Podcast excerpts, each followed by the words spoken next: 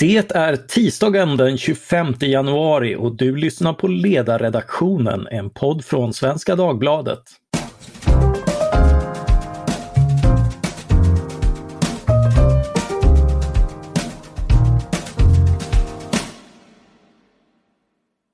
Jag heter Mattias Svensson och dagens ämne är målstyrning i offentlig verksamhet eller möjligen det är inte nyliberalism bara för att någon har räknat på saken.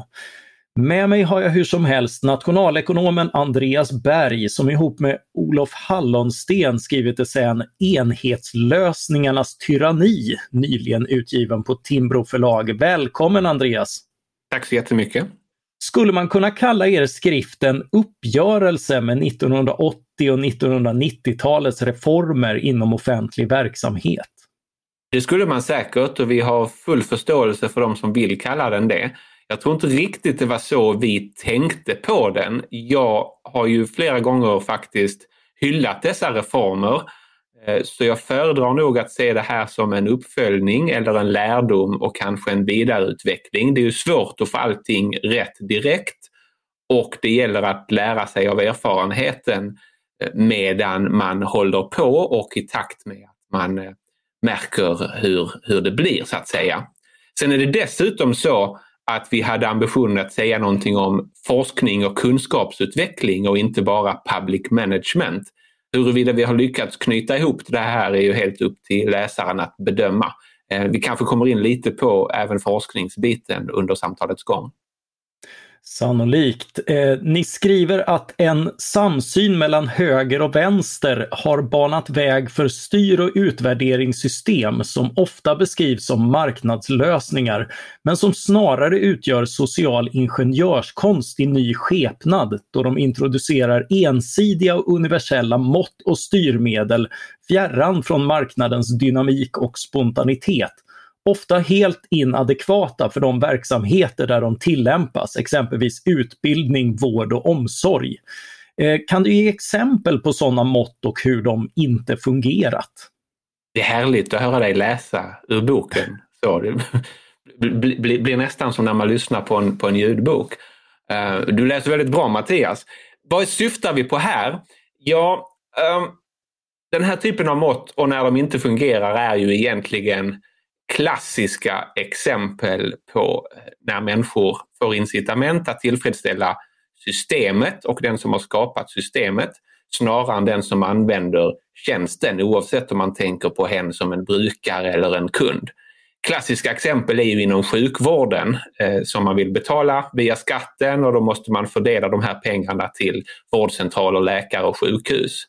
Men det kan då betyda att läkare gör en massa prover som egentligen inte behövs men de kostar mindre än vad man får betalt enligt kostnadsnycklarna och så gör man för många av den typen av prover. Eller, vilket väl då är lite värre, man undviker att göra saker som skulle behövas men som är dyra och man tycker inte att man får tillräckligt betalt. Sen kan jag ta ett exempel från min egen verksamhet. Jag är ju lärare vid Lunds universitet och eh, det är då också en, en statlig myndighet, vilket man ibland glömmer bort, inte minst vi som jobbar där. Men det märks. Eh, I den akademiska världen på utbildningssidan finns ju då begreppen HÅS och HÅP, helårsstudent och helårsprestation, vilket betyder att vi mäter och räknar antagna studenter och godkända studenter. Och så gäller det att man får det där rätt för att maximera ersättningen till institutionen eller fakulteten eller lärosätet. Om vi leker med tanken på att vi tog bort de här regelverk fullständigt, då skulle jag och de flesta av mina lärarkollegor, tror jag, ägna mest tid åt intresserade studenter som förefaller vara lämpade för det ämne de läser. I mitt fall nationalekonomi. Jag skulle prata med dem, ge dem mer material, ge dem extra stimulans. I det system vi har skapat nu så är det de studenterna som jag ofta inte ens lär mig namnet på. De sitter tyst, de lyssnar, de gör vad de ska, läser instruktioner och klarar tentan på första försöket och sen försvinner de från min radar. Medan jag lägger ganska mycket tid och kraft på att förklara för dem som inte har lyssnat eller läst eller gjort vad de ska och som skriver omtenta efter omtenta. Och det där är ju en konstig resursfördelning som kommer av de regelverk vi har skapat och som kanske egentligen går tvärt emot vad som vore mest effektivt eh, när det gäller högre utbildning. Ja, det, det, är ju intressant det här att, eh, att, att det, eh, det, är så påtagligt eh, i universitetsvärlden. Det pratas ju mycket om marknadsskola och sånt där, men, men universitetsvärlden som inte har konkurrens med, med vinstdrivande aktörer syns mig vara väl så incitamentsdriven i, i den här betydelsen. Ja, det är den på pappret. Sen är det ju så att i de flesta statliga verksamheter, inte minst inom universitetsvärlden, så finns ju eh, en yrkesetik och egna sociala normer som ibland funkar som en säkerhetsventil om regelverken ballongar ut eh, fullständigt åt det bisarra. Så även om incitamenten skulle vara konstiga, till exempel att godkänna alla i en kurs bara för att främja institutionens eller universitetets ekonomi, så finns ju en yrkesheder som gör att de flesta lärare inte vill göra så. Och, och på samma sätt så ska vi vara tacksamma att, att läkare och, och vårdpersonal har en motsvarande yrkesetik i sitt förhållande till, till patienterna. Men de här regelverken tränger sig ändå på på lång sikt och ibland omärkligt och påverkar vår verksamhet eh, vare sig vi vill det eller inte. Mm, ni har en uppdelning i essän mellan linjen och staben. Vad, vad innebär den? Ja, vi citerar ett eh, gammalt blogginlägg från eh, statsvetaren Peter Santesson Wilson, som han hette eh, då, eh, om, om just den här uppdelningen av alla organisationer, både offentliga och privata. Och den är i grunden att linjen är kärnverksamheten medan staben är stödsfunktioner till kärnverksamheten. Så linjen i universitetsvärlden är undervisning och forskning och sedan så har vi stödfunktioner i form av lokalbokningssystem, resebokningssystem, räkningssystem, kommunikationsstöd, marknadsföringsstöd, stöd för tillgänglighetsanpassning och en rad andra funktioner. Och det är såklart likadant i tidningsvärlden eller på vilken verksamhet som helst. Många upplever att eh, med tiden, i synnerhet om en verksamhet inte utsätts för något omvandlingstryck eller konkurrens, så växer stödfunktionerna på kärnverksamhetens bekostnad. Det vill säga de som har som uppgift att jobba med den faktiska verksamheten. De känner inte alltid att man blir hjälpt av alla stödsystem utan tvärtom att de innebär ytterligare pålagor, eh, krav på dokumentation, uppföljning, att man måste berätta för stödfunktionen vad man gör innan man kan få stöd från den och så vidare. Um, samtidigt finns det motkrafter. Um, det finns ju de, eh, till exempel min, min, min akademikerkollega statsvetaren Patrik Hall försöker räkna på hur antalet administratörer utvecklas över tid och dokumentera den här växande trenden bland stödfunktioner. Det finns en del som gör det svårt. Till exempel har ju ordbehandlaren gjort att väldigt många sekreterare har försvunnit. Eh, däremot så finns det andra grupper som mer entydigt ökar som till exempel kommunikatörer.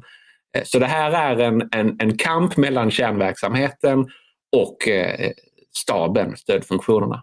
Mm, jo, det tror jag de flesta kan eh, relatera till, inte minst eh, i skol och omsorgsvärld. Eh, en, en del blir nog lite förvånade. Borde inte du som ekonom och dessutom liberalt sinnad sådan försvara precis sånt här som New Public Management och att bedöma saker efter om de är bra för tillväxten eller inte? Ja, det är ju en intressant kommentar. Låt mig svara så här, det är inte alls uppenbart att en liberalt sinnad ekonom bör ställa sig positiv till komplex regelstyrning av offentlig sektor. Och det är ju det som New Public Management egentligen är om, om vi ska ge det någon form av innehåll. Det är en, en eh, gummiterm som används ibland som skällsord och ibland för lite allt möjligt. Eh, men, men jag skulle ifrågasätta det redan där. Sen är det dessutom så att om man ska vara noga med prefixen så är jag nog lite mer socialliberal än libertarian. Jag har inget emot en stor stat i kvantitativ bemärkelse när det gäller till exempel relativt höga skatter och relativt höga offentliga utgifter. Mm, detta har du ju skrivit en bok om också som kommit i nyutgåva om jag förstått det rätt. Ja, det var ju oerhört påpassligt. Det hade jag inte tänkt på att jag skulle nämna, men du tänker såklart på den kapitalistiska välfärdsstaten. Ja. Eh, och eh, Den är utgiven på studentlitteratur och, och har precis kommit från tryck trots pappersbrist och, och annat. Och där beskriver jag då just hur Sverige faktiskt, som ju sägs ha en ganska stor offentlig sektor och också har det, det beror ju delvis på att vi har omfattande socialförsäkringar, vi har ett stort pensionssystem. Men ja, eh, trots att jag är liberal eller möjligen för att jag bara är mesig socialliberal, tycker det är helt okej. Okay. Därför att ett pensionssystem är en förhållandevis enkel skapelse för människor som klarar av att räkna på hur många vi är, hur länge förväntas vi leva, hur många har betalat in en vit eh, inkomst som de skattar på och så vidare. Och då kan man få det där att gå ihop. Och, eh, det nya svenska pensionssystemet brukar jag säga är egentligen inte så mycket mer än ett gigantiskt Excel-ark med form då som, som räknar ut hur mycket man får på basis av hur mycket man har betalat in och hur länge vi förväntas leva. Däremot så, så gör ju den offentliga sektorn väldigt mycket mer som är oerhört mycket mer kunskapskrävande än så. Vård, utbildning och styrning av komplexa tekniska och, och, och mer mjuka verksamheter är oerhört mycket krångligare. Och de riskerar man försämra om man försöker göra om dem till enkla formler i ett Excel-ark. Mm. Eh, vi ska inte öppna pensionsdörren. Eh, det, det, är ju ett eh, stort och eget ämne i sig. Eh, men eh, sen, sen, om de blev, blev tillräckliga i slutändan är ju, är ju något som plågar eh, samhällsdebatten och säkert lär dyka upp i valrörelsen. Det kan man absolut diskutera. Min poäng är då att, att vill man att de ska vara högre eller lägre så förändrar man formeln och, och vi har duktiga statistiker som då kan räkna ut hur man ska förändra formeln. Men det finns så mycket annat som den offentliga sektorn gör som inte låter sig fångas av en matematisk formel överhuvudtaget. Så jag brukar skilja på en, en stor stat som är stor i betydelsen att det går åt mycket skattepengar. Där behöver det inte gå fel om man har eh, någorlunda kompetenta statstjänstemän, politiker och en viss transparens i hela verksamheten. Men sen finns det en stat som är stor i betydelsen att det krävs mycket kunskap för att man ska lyckas. Och den kunskapen kan vara svår att skaffa sig oavsett hur kompetent och välvillig de offentliga byråkraterna eller politikerna är, därför att den kunskapen finns utspritt hos hushåll och företag och individer i samhället och går inte att aggregera. Det är eh, en klok hållning. Eh, valfrihet såldes ju in eh, av många på den tiden när de här reformerna kom som ett sätt att kombinera det bästa av två världar. Ja. Med skolpeng skulle vi få den offentliga finansieringens trygghet parad med marknadens effektivitet och konkurrens. Mm. Varför har vi inte fått det eller, eller har vi fått det? Vi har ju fått den offentliga finansieringens trygghet. Däremot så har vi inte fått en konkurrens som funkar bra på det sätt som en konkurrens funkar bra när det gäller marknaden för smågodis eller mobiltelefoner. Där gör ju konkurrensen att innovationer snabbt imiteras och leder till både utveckling, kvalitetsdimensionen och prispress så att man kan köpa väldigt prisvärt smågodis eller prisvärda mobiltelefoner. Medan den dynamiken har vi inte fått till när det gäller till exempel skolpengen och det är kanske eh, det mest diskuterade och mest problematiska just nu. Jag tror det här beror på att borgerliga partier tyvärr gjorde det lite lätt för sig och när man kritiserade den stora staten så vände man sig på det som var lätt att mäta och göra valaffischer på. De höga skatterna och de höga offentliga utgifterna. Och sedan så kanske man till och med lurades att tro att om vi för in lite incitament och, och marknadstänk i offentlig sektor så kan vi få den lika bra och effektiv som det privata näringslivet. Eh, men risken är såklart att man får det sämsta från båda världar. Man får den offentliga sektorns eh, stelbenthet i kombination med eh, en okänslighet för fördelningsfrågor från marknaden. Så att man eh, inte alls eh, åstadkom det man hoppades göra när man införde de här pengreformerna på tidigt 90-tal. Sen är det ju okej okay att det inte alltid blir som man har tänkt sig. Men det är då oerhört viktigt att dra lärdom, följa upp och justera. Och, och precis som jag sa i början är väl vår bok eh, ett bidrag till den debatten. Ja, ni skriver att den här utvecklingen ofta ses och de här, den här typen av reformer, det kallas ju liksom marknadisering och sådär och de ses ofta som exempel på att Socialdemokraterna gått åt höger och anammat nyliberalismen.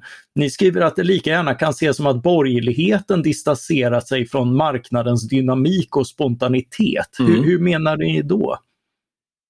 Ja, alltså marknadens dynamik och spontanitet bygger ju på att man får konkurrera i både pris och kvalitet samtidigt. Så att det går att hitta på saker som sänker kostnader men det blir lika bra.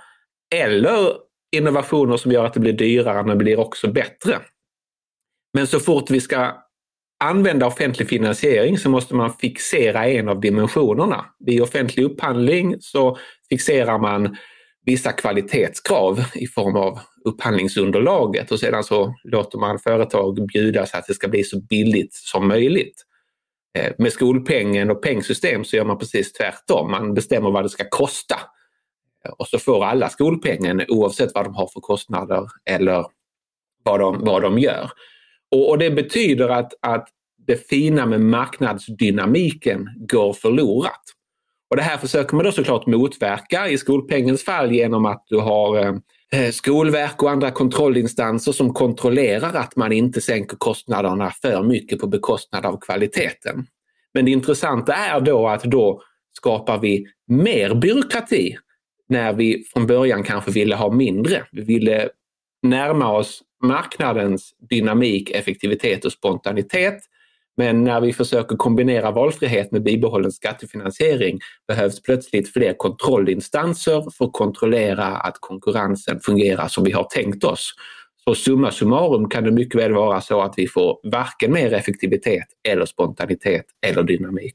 Hur tar man sig ur det här? Finns det någon, eh, eh finns någon universallösning på det? Eller, eller... det, det finns ingen universallösning på det heller, men det finns flera trådar som jag tycker är värda att nysta i. En är ju såklart att eh, lita mer på professionerna. Eh, när det gäller skolan, lita mer på lärares eget omdöme.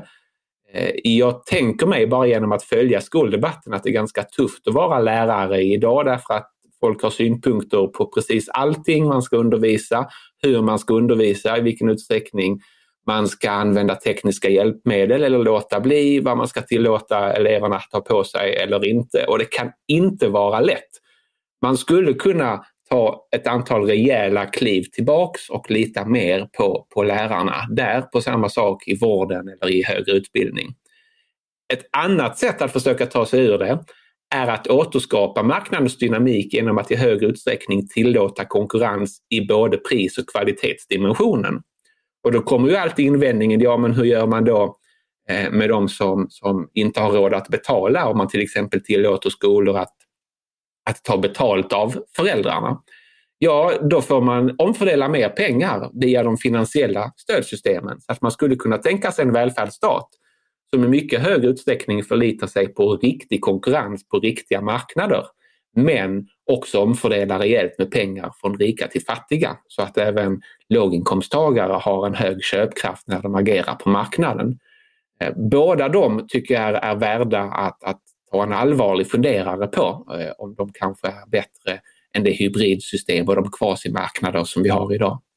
Hur ska man veta när det fungerar och inte?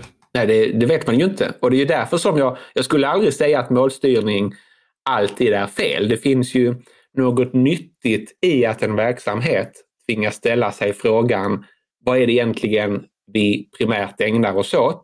När vet vi om vi har gjort ett bra jobb? Och när en verksamhet ställer sig den frågan så kan man upptäcka att oj, vi har olika idéer om vad vår verksamhet egentligen är eller hur vi ska mäta framgång. Alternativt så upptäcker man att vi har flera framgångsdimensioner. Vissa av dem går lätt att mäta, andra är svårmätbara. Och I något tredje fall så kanske man kommer fram till att vi har olika mått på framgång och de står i motsats till varandra. Vi kan inte lyckas i alla dimensioner samtidigt. Den diskussionen är jättenyttig.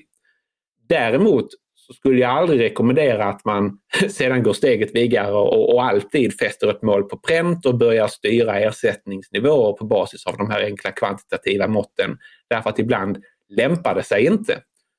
Om det är så att en verksamhet har flera mål där vissa är lätta att mäta och andra inte går att mäta, då kan det i själva verket bli väldigt, väldigt olyckligt om du bara styr mot de mätbara målen. Därför att då kommer till exempel lärare att fokusera helt på att eleverna ska klara proven och mindre på de delar av undervisningen som är svårkvantifierade och svårmätbara. Och då kan det vara bättre att mäta mindre generellt. Jag tänker här osökt på den berusade mannen som tappat nycklarna och letade efter dem i lampans sken, för det var där, inte där han tappade dem, men det var där han såg någonting. Ja, just det. Och det är, det är en bra illustration, men det är ju nyttigt för honom att ställa sig frågan, vad gjorde jag? Var kan jag ha tappat dem? Hur letar jag bäst efter dem?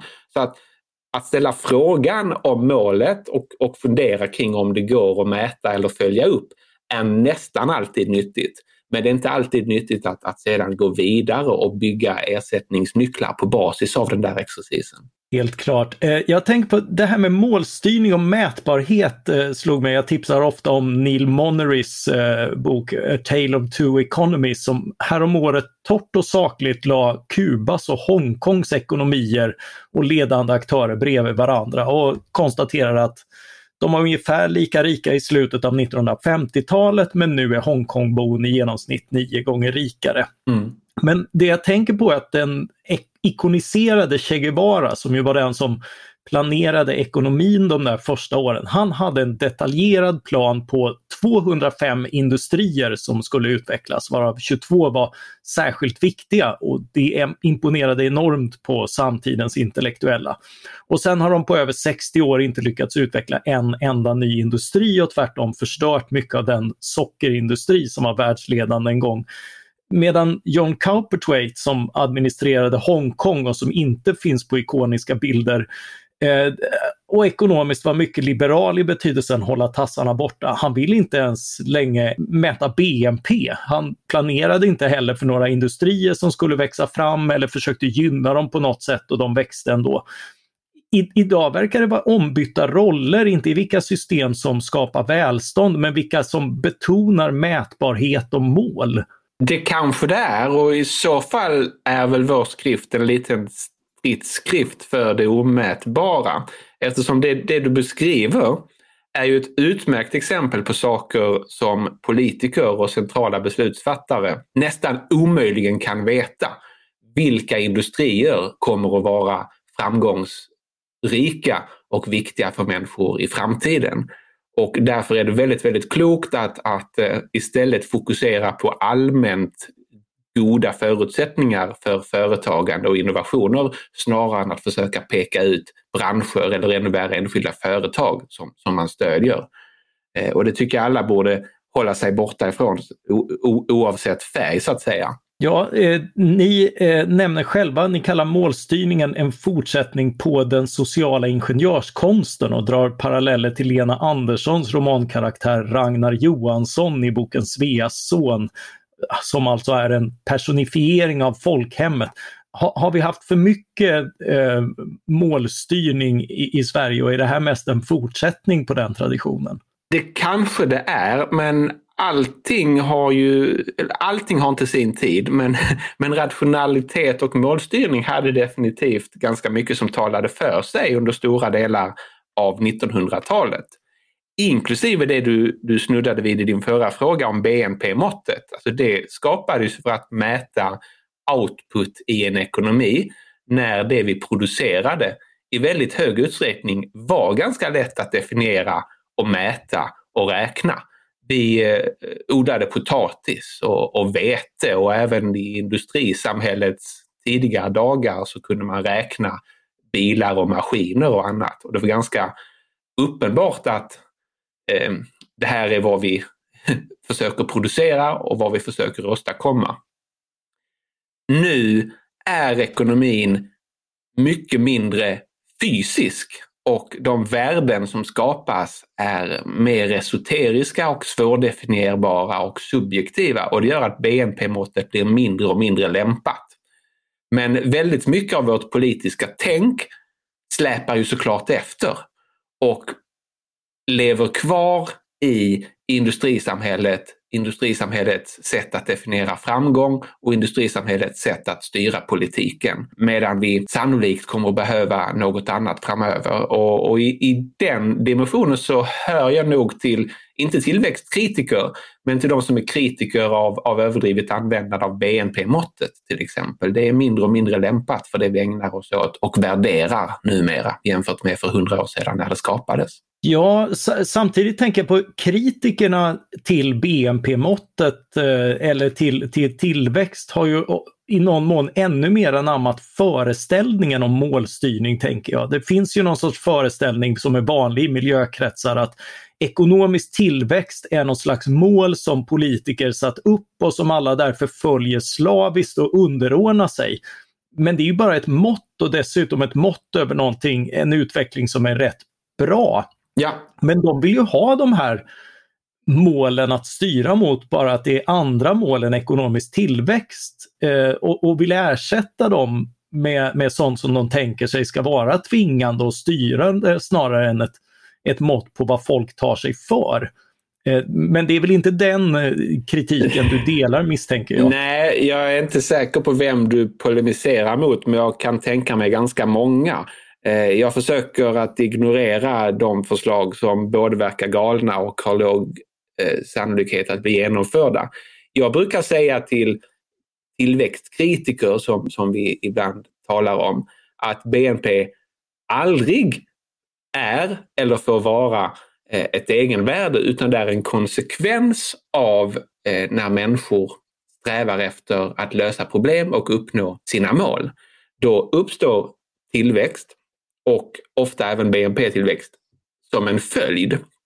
Och det kommer det sannolikt att göra i framtiden också. Däremot huruvida BNP växer med 2,2 eller 2,8 procent, det behöver inte vara eh, något att oja sig över och definitivt inte så mycket att oja sig över som, som bankekonomer eller ekonomijournalister gör. Därför att det är så svårt att exakt mäta de värden vi skapar. Däremot så brukar jag säga till de som, som är väldigt skeptiska till fortsatt tillväxt att det kommer aldrig att hända att en ny generation människor växer upp och tycker att samhället som deras föräldrageneration har skapat är bra och inte kan förbättras på något sätt. De kommer att se problem, de kommer att se saker som kan göras bättre och annorlunda. Och när de ändrar eh, sitt beteende för att åtgärda de problemen, då skapar de tillväxt som en biprodukt av att de försöker förbättra samhället som deras föräldrar lämnade åt dem. Då går vi på intressantare eh, intellektuella idéer. Jag tänker på, eh, det verkar på ett sätt som om målstyrningen också experimenterar och förnyar sig. Det dyker upp nya managementfilosofier som ni nämner och nya skolbildningar som evidensbaserad policy Eh, men, men det verkar som att ni är, är rätt skeptiska till, eh, till att de här paketen rymmer nya namn på lite samma misstag, eller? Ja, inte minst managementlitteraturen tenderar ju vara lurig så tillvida att varje ny managementfilosofi lanseras som något fullständigt revolutionerande jämfört med hur man tidigare har betett sig. Och det är väldigt få andra områden där kunskapen framskrider på det där sättet. Den är mycket mer långsam, successiv, famlande, bitvis konflikterande i, i sitt sätt att, att, att röra sig framåt eller att expandera och växa. Och därför är vi skeptiska till idéer om, om att det finns ett sätt på vilket alla verksamheter mår bra av att organisera sig eller egentligen bara idén om att, att man ska lyssna på forskningen eller att forskningen talar med en röst. Även kunskapsutvecklingen eh, är, är mycket mer famlande i, i, sin natur än att man kan betrakta den på det enhetliga sättet. Mm, ni, ni, är till och med tveksamma till uppmaningen att lyssna på forskarna i klimatdebatten. Ja. Det får du gärna utveckla. How's that för, för brandfackla? Eh, nej, men det har ju blivit ett mantra som väldigt många sluter upp kring. Eh, lyssna på forskarna, lyssna på forskarna. Ja, men gör det då. Det enda forskarna är eniga om, eh, någorlunda eniga om, är att det pågår en uppvärmning och att människan har bidragit till den. Och det är för all del viktigt, men det är ju inte det enda vi behöver veta eller ta ställning till eller agera på just nu. Forskarna är oeniga om hur mycket varmare, hur snabbt, vad det beror på och framförallt är de oeniga om vad vi kan göra åt det och vad vi bör göra åt det. Du hittar inte svar på de frågorna bara genom att lyssna på forskarna. Du måste eh, tänka själv. Du måste lyssna även på politiker och humanister. Eh, du måste beakta politik, värderingar, eh, trade-offs, fördelningsfrågor. Och du kommer upptäcka att när du vill ha svar på de svårare och mer akuta frågorna så talar forskarna inte med en entydig röst. Och då räcker inte uppmaningen att bara lyssna på forskarna. Det är en mycket klok hållning. Eh, det verkar också, en, en sak som slog mig i er bok eh, med, i en intressant passage, är att vi applicerar målstyrningen också på historien när vi berättar den i efterhand. Ni skriver den populära idén att välfärdsstaten målmedvetet byggdes för att främja jämlikhet och jämställdhet är i betydande utsträckning en efterhandskonstruktion. Detta kraftfulla och bitvis framgångsrika narrativ döljer emellertid att utvecklingen i anmärkningsvärt hög grad drevs av tillfälligheter och fick flera oavsedda konsekvenser. Kan, kan du ge några exempel på det här? Ja, Eh, jag har faktiskt skrivit en artikel i, i Milken Review på temat med några olika exempel. Mitt favoritexempel på det här är ju nog idén om den svenska jämställdheten. Där vi nu är fostrade i ett tänk av att Sverige är världsledande, möjligen tillsammans med Danmark, när det gäller jämställdhet, att män och kvinnor båda lönearbetar och delar eh, på arbetet både på marknaden och i hushållet. Eh, och det stämmer ju rent eh, deskriptivt idag. Men om du blickar bakåt i den svenska historien så är vi absolut inget föregångsland eh, när det gäller jämställdhet eller arbetsdelning. Vi var förhållandevis sena med att ge kvinnor rösträtt och hade någon form av eh, veritabelt hemmafrusamhälle en bra bit in på 1900-talet. Så hur ändrades det här då? Jo, när eh, andra länder höll på att hämta sig efter andra världskriget och Sverige hade klarat sig undan, då var det väldigt bra drag i den svenska ekonomin. Och vi hade arbetskraftsbrist. Och det där ledde till, till två intressanta skeenden. Dels arbetskraftsinvandring från eh, Ungern och Tjeckoslovakien bland annat. Men också till mobiliserandet av vad som kallas den svenska reservarbetskraften. Det var kvinnorna. Så det var alltså ekonomisk tillväxt och brist på arbete som gjorde att man plötsligt började bygga barnstugor som det kallades, daghem, numera förskolor, för att möjliggöra kvinnligt förvärvsarbetande. Och LO-männen var absolut inte förtjusta i det här utan ville förvissa sig om att kvinnorna skulle eh, gå tillbaks till hemmen när de inte längre behövdes på arbetsmarknaden. Eh, men som, som vi alla vet så, så sätts bollar i rullning och fortsätter sedan eh, rulla åt det där hållet, inte minst när man har fattat långtgående politiska beslut om det här. Och en konsekvens av expansionen av då barnomsorgen på 60-talet var ju att, att hej, din och min generation Mattias, som, som växte upp på 70-talet, för oss var det helt naturligt att båda föräldrarna jobbade. Och det betyder att vi faktiskt har förhållandevis jämställda värderingar jämfört med många andra eh, länder. Men det var en konsekvens av ekonomisk tillväxt och arbetskraftsbrist. Och sedan har vi i efterhand laget, lagt på en, en berättelse om, om att det här på något sätt är, är en del i den svenska identiteten. Men så var det faktiskt inte.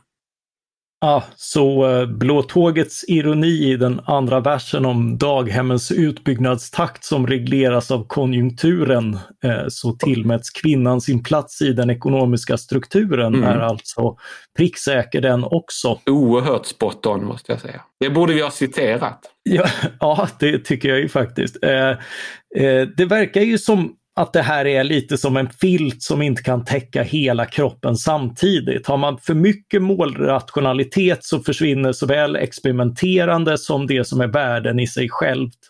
Eh, men för lite och vi får ingen styrsel på någonting utan godtyckliga beslut och bristande samordning och förutsägbarhet. Om man ska göra fel åt något håll, finns det någon, eh, har du någon känsla för vilket håll det då ska vara? Ja, det är ju bättre att ha en stat som gör lite för lite eftersom då kan människor efter eget tycke och smak eh, kompensera på egen hand. Medan om staten gör lite för mycket så är det ofta svårare för människor, företag och hushåll att, att kompensera och rätta till det där. Eh, med tanke på att staten faktiskt ytterst eh, verkar med ett våldsmonopol i, i ryggen. Eh, därmed inte sagt att man bör rulla tillbaka staten helt utan man måste nog acceptera att det här alltid kommer vara en pendelrörelse och som den eh, irriterande akademiker jag är så vill jag varna för att nu gå för långt åt andra hållet. Jag tycker mig ana att vi just nu kanske befinner oss i en backlash mot New Public Management, incitament och marknad och jag ser betydande risker att vi kastar ut barnet med barnvattnet. Jag är inte nöjd med, med termen marknadsskolan till exempel eftersom precis som vi har varit inne på så finns det eh, väldigt lite genuin marknad i, i det svenska skolsystemet. Eh, och det finns gott om exempel också på att styrning med incitament faktiskt har funkat och gett avsedda effekter. Eh, och det är viktigt att komma ihåg att de här reformerna på 80-talet de tillkom ju för att många då var missnöjda med en stor, stelbent och ineffektiv offentlig sektor som förmodligen mådde bra av att man skakade om den lite grann. Ni har en iakttagelse i er bok, jag tänkte vi skulle ha det som en avslutande fråga, om att public choice-ekonomer som kritiserar byråkratisering, de kritiserar sällan ekonomisering. Eh, medan statsvetare sällan kritiserar byråkratisering och politisering, men däremot ekonomisering. Finns det liknande blinda fläckar inom politiken? Jag tänkte en läxa för oss anhängare av, av frihet och framsteg i, i bred mening. Vilka insikter behöver vi ta till oss från det här området? Det är en jättebra fråga och egentligen så ska ju inte vi som gillar och värderar frihet besvara den eftersom det ligger i sakens natur att vi kanske är blinda för det. Det jag tror att många frihetsförespråkare har försummat är att, att ett försvar för frihet också måste innehålla ett försvar för rätten att göra fel. Och att det inte är, är fel när det blir fel utan att fel alltid kommer att ske och även om de är tragiska när de inträffar så är de också möjligheter att lära av felen. Jag har ju ett bisarrt intresse för eh, läkarlitteratur och det finns några böcker utgivna av en kirurg som begår då nästan etikettsbrottet att han berättar om allt som faktiskt har gått fel under hans karriär som kirurg på ett sjukhus. Eh, och det bryter ju mot vår bild av vården som ofelbar. Men hans poäng är just att vi måste våga tala om det för att kunna lära av det. Och det där tror jag att frihetens förespråkare kan ta till sig och lära av när det gäller samhälle och ekonomi generellt sett. Det kommer att bli fel ibland. Det viktiga är att vi är ärliga och förmår lära av det. Det var mycket bra slutord tycker jag. Då ber jag att få tacka dig Andreas Berg, nationalekonom och författare till essän Enhetslösningarnas tyranni ihop med Olof Hallonsten. Tack så mycket för att du kom hit. Tack Mattias. Tack också till alla er som har lyssnat på ledarredaktionen. Tycker ni att vi borde fortsätta att experimentera oss fram med andra ämnesval eller har vi nått vårt mål att uppfylla alla era förväntningar genom detta avsnitt? Maila er dom till ledarsidan svd.se. Ledarsidan svd.se. Jag vill också passa på att tipsa om våra grannpoddar här på Svenska Dagbladet. Dagens Story har det målrationella formatet att dagligen avhandla ett ämne på 15 minuter. Politiken rotar spontant igenom allt ifrån maktens korridorer till Torbjörn Nilssons bibliotek efter insikter att dela om partierna och deras profiler. Lyssna gärna på dem också. Producent för det här avsnittet var Jesper Sandström. Jag heter Mattias Svensson och mitt mål är att vi snart hörs igen. Tack för den här gången.